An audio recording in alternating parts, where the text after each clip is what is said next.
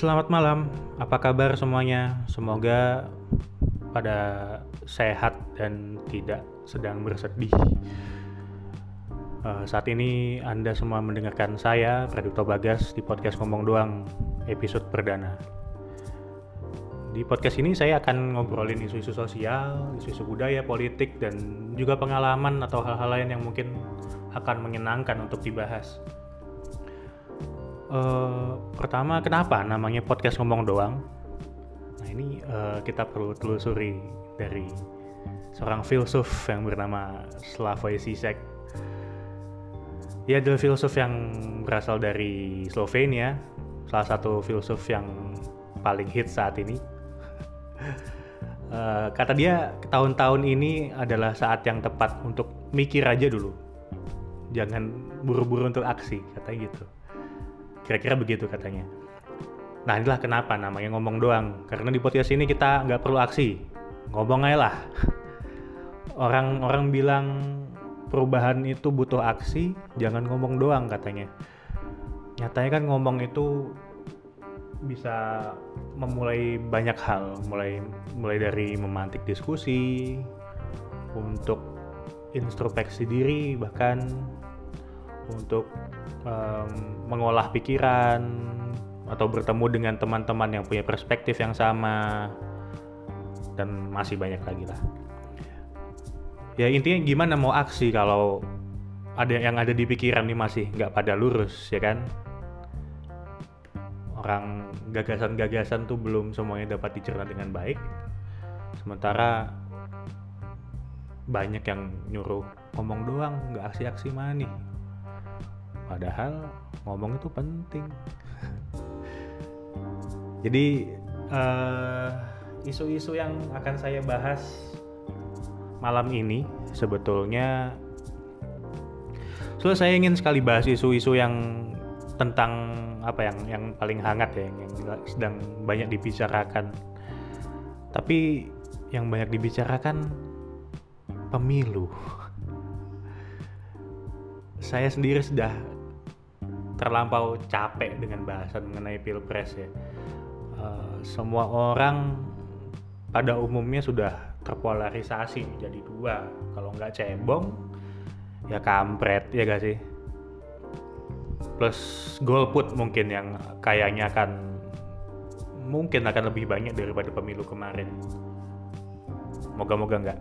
Uh, jadi saya mungkin nggak akan directly bahas pemilu, tapi mungkin saya akan bahas mengenai mengenai hal-hal uh, di pinggiran atau di sela-sela isu itu. Jadi malam ini kita akan bahas grup WhatsApp atau WhatsApp WhatsApp grup bisa disingkat gitu kan. WhatsApp grup uh, jadi saya pikir topik ini akan cukup menarik untuk dibahas karena dalam minggu-minggu menuju pemilu ini grup-grup WhatsApp akan menjadi lebih intens dari biasanya. Ya banyak hal ya, mungkin mulai dari anggota grup yang kampanye pilpres, entah itu teman atau saudara atau keluarga, keluarga Anda bahkan mungkin ya. Ada yang mungkin malah sedang nyalek jadi mereka butuh untuk mengkampanyekan dirinya supaya menang. Sampai perdebatan mengenai pilihan masing-masing anggota di grup itu. Ya ada ya tadi itu cebong kampret berseteru di WhatsApp grup keluarga atau WhatsApp grup reuni SMA atau ya semacam itu ya gimana ya, ya memang ini adalah kecenderungan yang harus kita hadapi setiap ada pilpres atau setiap ada isu-isu politik tertentu. Apalagi sejak 2014 memang masyarakat Indonesia sudah terbelah. Setidaknya jadi kelompok besar pendukung kelompok pendukung calon nomor satu, pendukung calon nomor dua. Sejak 2014 sampai sekarang belum ada perubahan yang ya signifikan yang sebetulnya bisa mengembalikan kondisi politik seperti sebelum 2014. Jadi apa ya penyebabnya mungkin internet memang mengubah segala hal termasuk interaksi sosial kita. Globalisasi, ya ini banget ya globalisasi. Do, uh, divisi kerja dan berputarnya kapital mengharuskan kita untuk mendapatkan pekerjaan yang uh, tersebar sehingga kita harus pergi dari kota tempat tinggal kita atau apa ya, merantau istilahnya ya. Uh, kita harus kita misalkan kita uh, berasal dari uh, Jogja kemudian harus mendapat kuliah di Jakarta. Ya syukur kalau dapat kerja penempatan di Jakarta tapi pada faktanya sering kali tidak banyak juga yang berpindah-pindah kuliah di Jakarta kemudian harus hmm, bekerja dengan penempatan di Manado misalkan itu kan sudah hal yang sangat biasa terjadi di uh, kehidupan kita ya. Ya istilahnya merantau, merantau ya. Interaksi sosial yang sebelumnya intens dengan kawan atau dengan keluarga di tempat asal atau di tempat tinggal kita di tempat kuliah kita yang settle. Jadi sulit. Karena uh, kita harus berpindah tempat dari satu tempat tempat lain mulai dari sekolah, kuliah, kerja. Bisa jadi tidak ada tempat yang sama jadi pindah-pindah terus. Dan interaksi sosial yang memungkinkan dulu hanya ketika kita mudik. Jadi kalau kita kerja misalkan uh, orang Bali kerja di Jakarta ketika hari raya mereka pulang ke Bali untuk bertemu sanak saudaranya itu baru bisa berinteraksi dengan uh, saudara-saudara atau kawan-kawan di tempat asalnya. Tapi internet memudahkan kita dari kesulitan itu interaksi sosial yang uh, yang sebelumnya sulit dan terbatas jadi sangat instan atau bahkan mengubah secara radikal bagaimana kita berinteraksi uh, dengan uh, rekan-rekan atau keluarga kita. Sekarang janjian dengan teman jadi hal yang sangat mudah.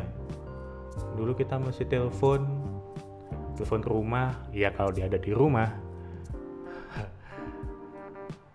Atau di pacaran gitu lebih gampang ya kan? Dulu pacaran tuh kalau ya kalau zaman bapak ibu kita mungkin harus apel ya. Kalau zaman dia tahun 2000-an awal mungkin kita bisa SMS tapi SMS juga mahal dulu kan. Dan kita belum sampai janjian bisa jadi pulsa pulsa udah habis gara-gara SMS ya intinya sebenarnya internet ini mampu membuat interaksi sosial kita yang nyata yang offline itu jadi minimal sehingga kita bisa meluangkan lebih banyak waktu untuk kerja atau membuat waktu dan biaya yang dibutuhkan oleh apa ini uh, kapital menjadi lebih efektif dan efisien. Jadi ya kenapa internet tuh akhirnya jadi besar ya karena kebutuhan ini juga perusahaan-perusahaan butuh uh, waktu yang lebih singkat dan biaya yang lebih murah supaya bisa untung. Singkatnya seperti itu.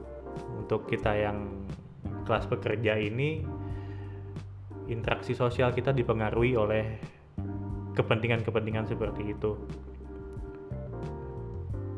Ya imbasnya interaksi sosial yang ngomong empat mata atau uh, diskusi beramai-ramai itu jadi bisa apa di, disimplifikasi jadi sekedar chat sekedar teks atau sekedar video sekedar audio seperti podcast ini. Kalau dulu kita bayar listrik harus ke kantor administrasinya atau ke bank kita bisa berinteraksi langsung dengan teller bisa ngobrol dengan security banknya bisa ngobrol dengan para uh, pengantri juga di sana. Terus sekarang sudah semakin ya walaupun masih ada ya sudah semakin berkurang interaksinya. Bahkan sekarang kan uh, banyak orang yang juga nggak nyaman untuk bicara dengan stranger atau apa uh, orang orang lain lah yang nggak kenal di jalan gitu.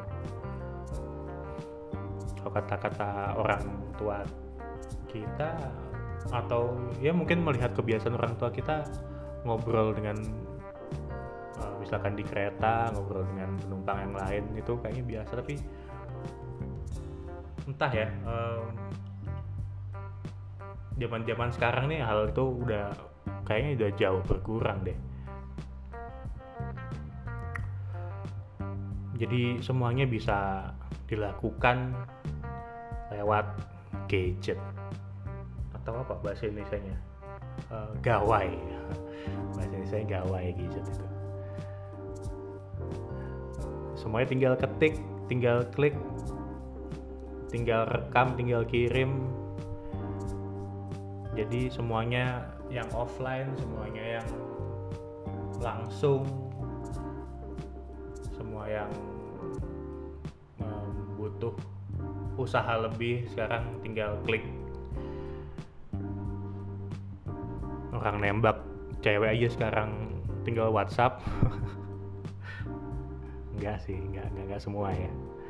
Enggak semua. Dulu kalau apa eh, lebaran misalkan yang muslim halal bihalal silaturahmi berkunjung ke tempat saudaranya. Yang Natalan pun begitu.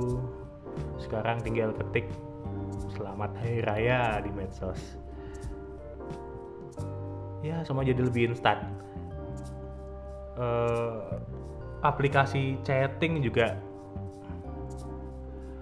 berkembang kan dari tahun ke tahun. Dulu ada MI, MIRC saya saya saya sih cuma denger denger aja ya. Saya saya nggak pernah make. Saya baru kenal internet waktu SMA tahun 2005an lah. Kayaknya itu era-era sebelumnya. Terus kemudian ada apa? Yahoo Messenger. Yahoo Messenger BlackBerry. Kemudian belakangan WhatsApp Telegram Line Kakao Talk dan lain-lain dan lain-lain. Kalau medsos sendiri ada Friendster. Ya Friendster. MySpace. Ada ya itu. Kemudian muncul Facebook Twitter Instagram. Ya urut ya tapi ya udahlah itu pokoknya. Uh, macam-macam ada banyak sekali medsos. Saya sendiri pak baru pakai WhatsApp itu kira-kira tahun berapa? 12 2012 itu pun untuk kepentingan kantor karena entah kenapa semua karyawan yang pakai BlackBerry bosnya minta bikin grup WhatsApp. Jadi otomatis semuanya pindah ke grup WhatsApp BlackBerry sepi akhirnya pada dijual pada di nggak tahu dikemanain tuh BlackBerry-nya. Beralih ke smartphone.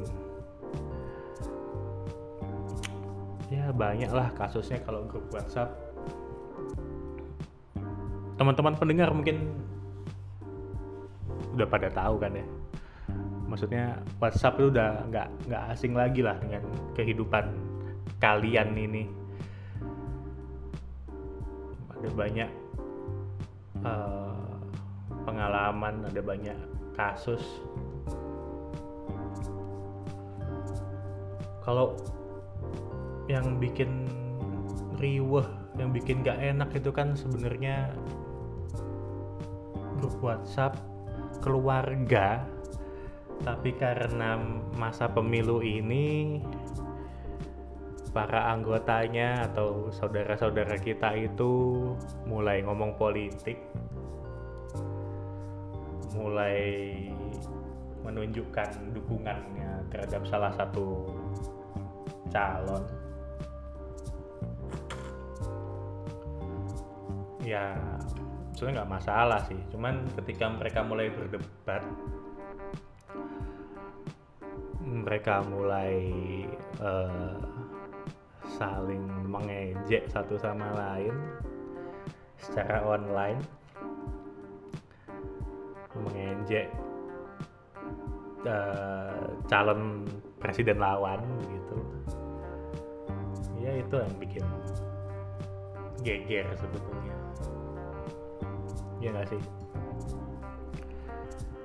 Jadi efek negatifnya WhatsApp itu salah satunya ya perpecahan soalnya bukan perpecahan yang berarti akan menjadi bunuh-bunuhan enggak sih cuman suasana yang harusnya silaturahim harusnya bisa guyup antar keluarga atau antar teman tuh jadi jadi apa menjengahkan gitu loh. Uh, saya sendiri capek dengan medsos. Saya yakin beberapa dari kalian juga merasakan walaupun ada juga yang menikmati. Tapi saya termasuk yang sudah lelah dengan semua hal itu. Masalahnya kenapa sih? Masalahnya dengan interaksi online interaksi online yang nggak ketemu langsung dengan uh, lawan bicaranya itu orang cenderung jadi terlalu nyaman orang jadi lebih berani ngomong kasar jadi lebih berani copy paste berita yang nggak jelas kemudian disebarkan.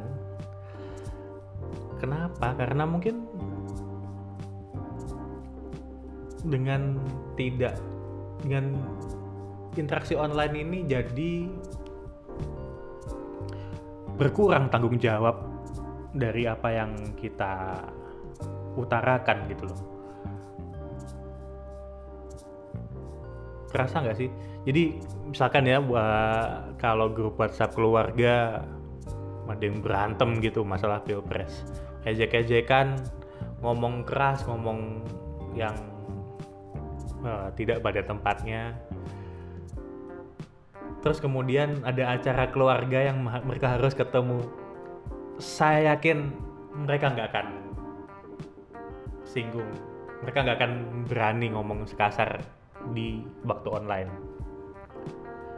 Di ketika on uh, di WhatsApp misalkan.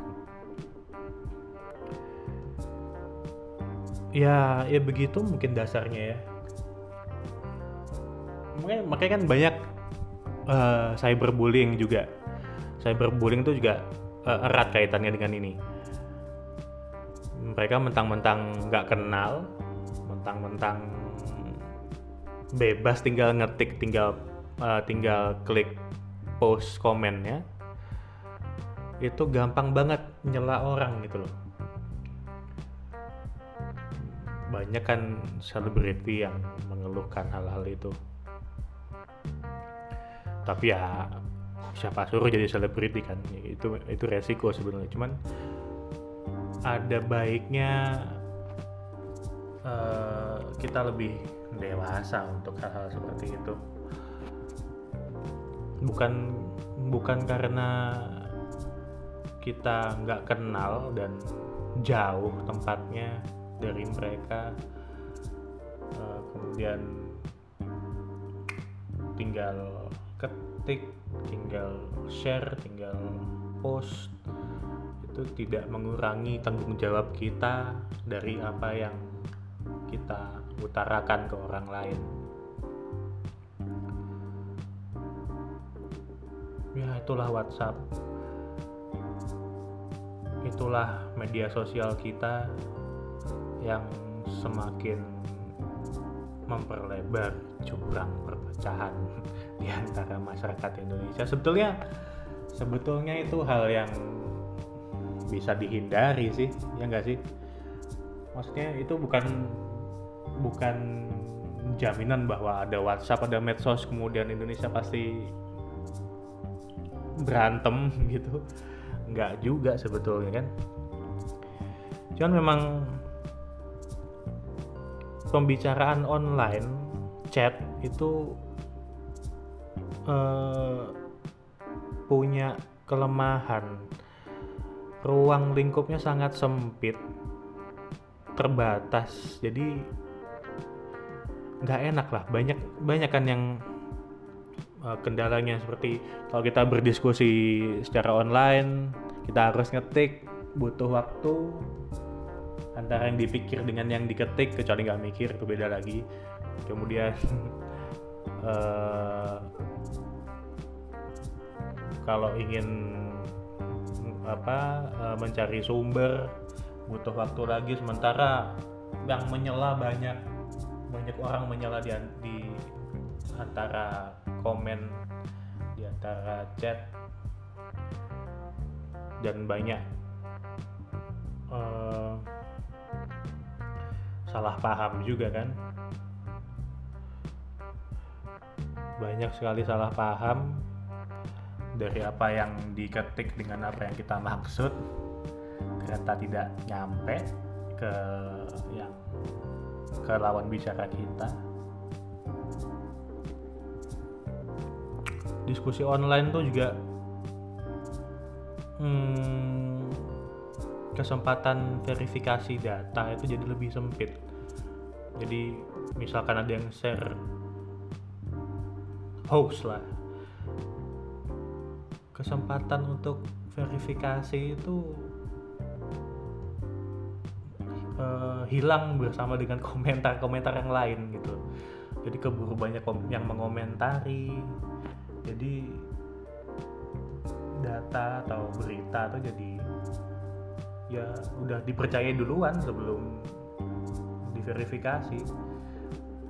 Ya bagi yang melek hoax ya ini mungkin bisa dihindari tapi kalau isi grup WhatsApp itu orang-orang tua ya umur orang-orang tua kita 50 60-an gitu itu kayaknya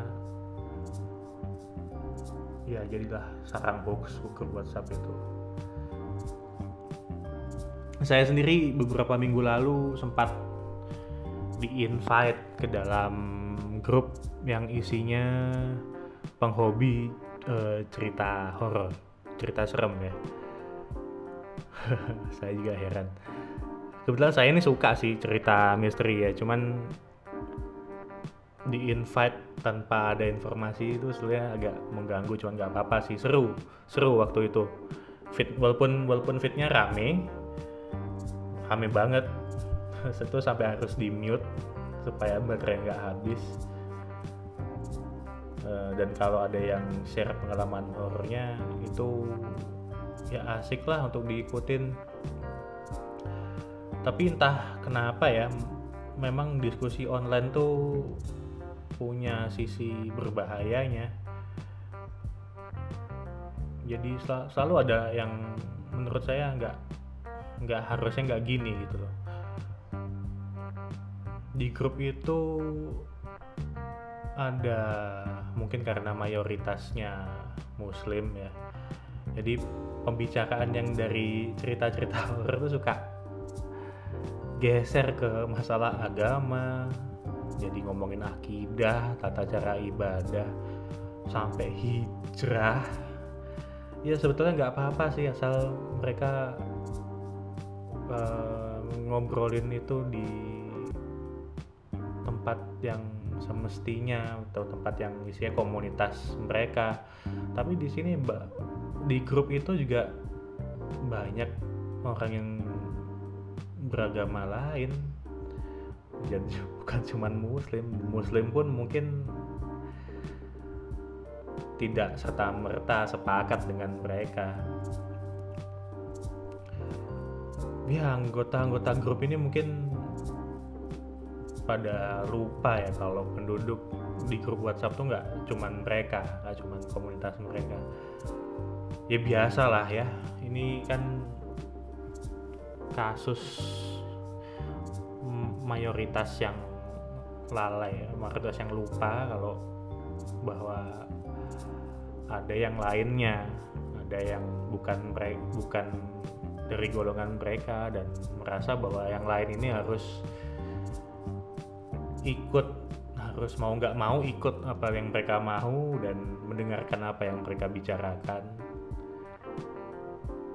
Ya bahwa sebagai mayoritas tuh nggak masalah ngomongin masalah yang sifatnya privat atau untuk kalangan sendiri di ruang publik yang dalam hal ini adalah grup WhatsApp. Bayangin deh ada umpamanya ya ada uh, sales asuransi gitu. Sales asuransi ngomong di depan di depan kalian. Dan kalian nggak mau denger tapi mereka tetap ngomong. Terus itu kan hal yang menyebalkan kan. Ya mungkin rasanya ya kurang lebih kayak gitulah. Ya, saya sendiri akhirnya ya nggak betah karena fitnya rame dan udah nggak ngobrolin cerita serem lagi. Jadi saya mending jauh dari grup itu. Ya itulah. Saya kira saya rasa sendiri berinternet tuh butuh kedewasaan kedewasaan berinternet kita kira-kira namanya. Ya bukan berarti saya juga sudah major atau sudah dewasa dalam berinternet. Kedewasaan tiap individu saya rasa memiliki arah dan perkembangannya masing-masing.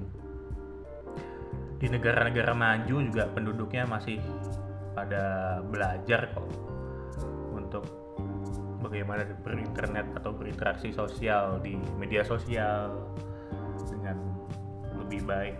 Bedanya mereka lebih dulu menggunakan media online jadi media sosial ya, media sosial jadi agaknya lebih banyak yang cukup dewasa dalam berinteraksi secara online daripada kita yang di Indonesia basically yang disebut dengan kedewasaan ini hmm, erat kaitannya dengan uh, misalkan kebijaksanaan untuk berkomentar, berposting, bercanda, menghindari cyberbullying dan apa yang lebih tepat mungkin dari kedewasaan berinteraksi sosial di medsos itu ya meningkatkan meningkatkan intensitas interaksi sosial kita yang sifatnya offline. Jadi kedewasaan berinternet itu pada akhirnya menurut saya setidaknya ya kurang-kurangin lah. Ketemu aja mending ketemu langsung berdiskusi dengan tatap muka ya apalagi kalau bisa sambil ngopi atau makan gorengan kan adem ya daripada bikin marah orang ngajak berantem tapi akhirnya sukan-sukan sendiri kan mending ketemu langsung ya gak sih? Kedewasaan berinternet ini lucunya tidak ada hubungannya dengan usia. Kapan hari itu Tirto melansir artikel? Alah melansir meluarkan artikel yang intinya bahwa kegiatan berbagi hoax itu malah banyak dilakukan oleh orang tua. Orang tua dalam hal ini yang yang tadi uh, saya sebutin ya usia-usia 50 60-an lah usia-usia bapak ibu kita. Saya yakin juga di antara teman-teman pendengar ada yang mengalami yang seperti ini maksudnya yang bapak ibunya yang juga ikut-ikut nyebar hoax dan uh, terjadi konflik antara orang tua dan anak karena tidak sepakat itu hoax atau bukan. Kenapa ya? Kalau saya bilang sih karena yang muda, yang umur-umuran kita ini millennials, generasi Y ya dan generasi Z itu udah main medsos duluan, mungkin udah main Friendster duluan. Mana ada orang tua main Friendster kan zaman dulu, yang main Friendster pasti anak alay. Tapi mungkin itu yang membentuk membentuk uh, kematangan yang muda-muda ini untuk berinteraksi sosial di medsos. Yang muda udah melewati masa alay dengan lancar dan sudah selesai. Jadi pengalamannya lebih banyak lah. Jadi kalau mereka kalau kita ngomong gini reaksinya akan begini. Kalau kita ngomong gini akan berantem. Jadi mungkin uh, kekang untuk uh, usaha untuk mengekang diri sendiri itu mungkin lebih malah lebih besar di eh, orang-orang uh, di usia kita usia-usia ya usia-usia milenial lah. Orang-orang yang tumbuh dengan uh, tumbuh dengan internet sempat mengalami apa sih milenial tuh? Kalau nggak sih kan milenial tuh um, mereka yang tumbuh uh, sebelumnya tidak ada internet kemudian mereka menikmati menikmati teknologi internet. Jadi mereka mengalami dua zaman itu. Kalau nggak salah sih kayak gitu. Tapi ya gitulah.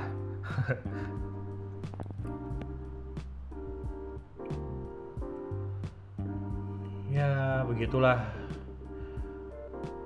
mungkin ya mungkin memang geger ini cuman dialami orang-orang yang di usia tua kan, karena kita menghormati mereka kita juga ikut-ikutan geger mungkin seperti itu.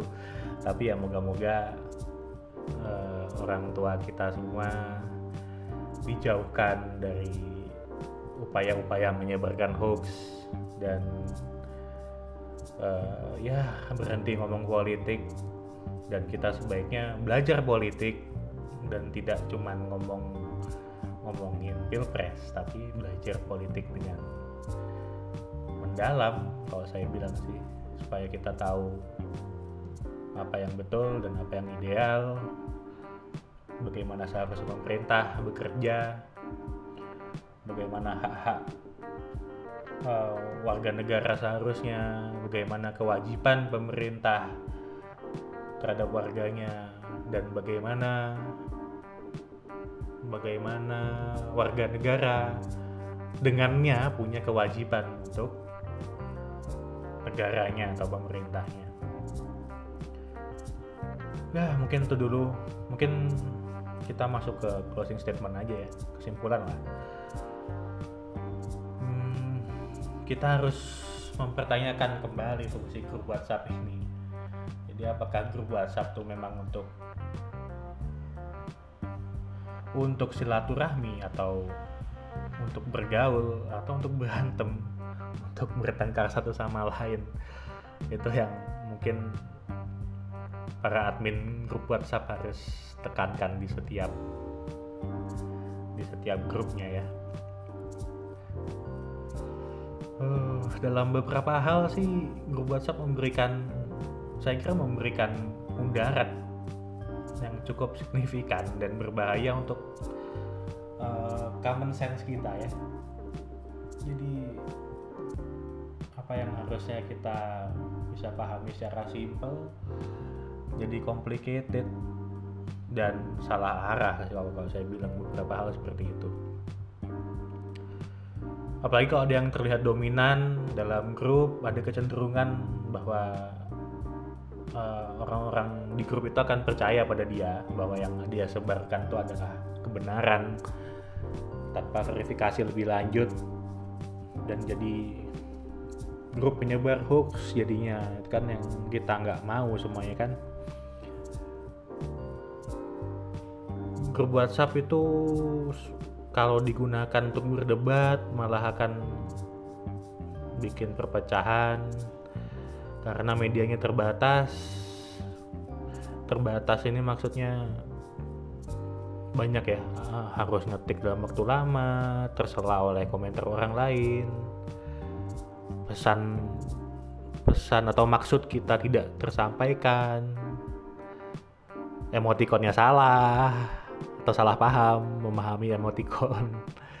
Typo salah ketik dan lain sebagainya perdebatan di medsos dan di WhatsApp tidak akan ada ujungnya. Dan semua akan kembali ke, ke pendapatnya masing-masing. Percaya deh. Dengan berdebat di medsos tuh kalian nggak akan bisa saya yakin akan jarang sekali bisa meyakinkan orang untuk percaya pada stance pada pada pendirian kalian jadi ya syukur kalau di perdebatan di medsos itu bisa sampai pada kondisi agree to disagree setuju untuk tidak setuju.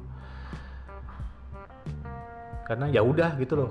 Karena pendapat kalian tuh sebenarnya nggak penting buat orang lain. Karena semua orang sebetulnya boleh punya pendapat sendiri tapi yang paling penting itu bukan bukan untuk meyakinkan orang lain tapi apa yang ka bisa kalian dapat dari diskusi itu. Ya syukur kalau akhirnya kita bisa meyakinkan lawan bicara kita atau lawan diskusi kita.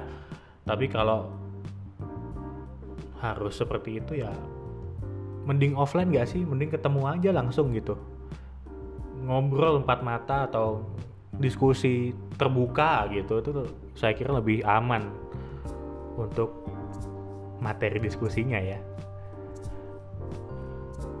Ya gitu deh.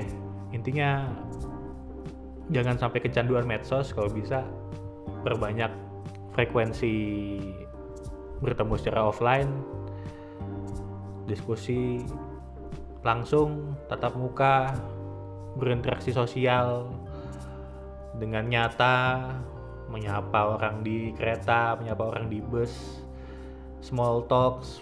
Ini semua saya bilang karena saya sendiri butuh untuk melatih hal-hal itu. Karena saya sebenarnya nggak suka hal-hal direct gitu mungkin karena terlalu banyak media sosial juga tapi mungkin kita bisa sama-sama belajar untuk memulai. Ya demikian dari saya. Mungkin ya semoga tidak terlalu membosankan dan bisa jadi bahan diskusi dengan keluarga atau teman-teman atau siapa pun rekan kantor. Terima kasih sudah mendengarkan. Kalau teman-teman punya saran, usul topik atau ya kepentingan yang lain yang berhubungan dengan podcast ini silahkan mention atau message uh, Instagram saya di @bagasx uh, @bhagasx atau email ke email yang tertera di Instagram tersebut. Ya, terima kasih. Selamat malam. Ciao.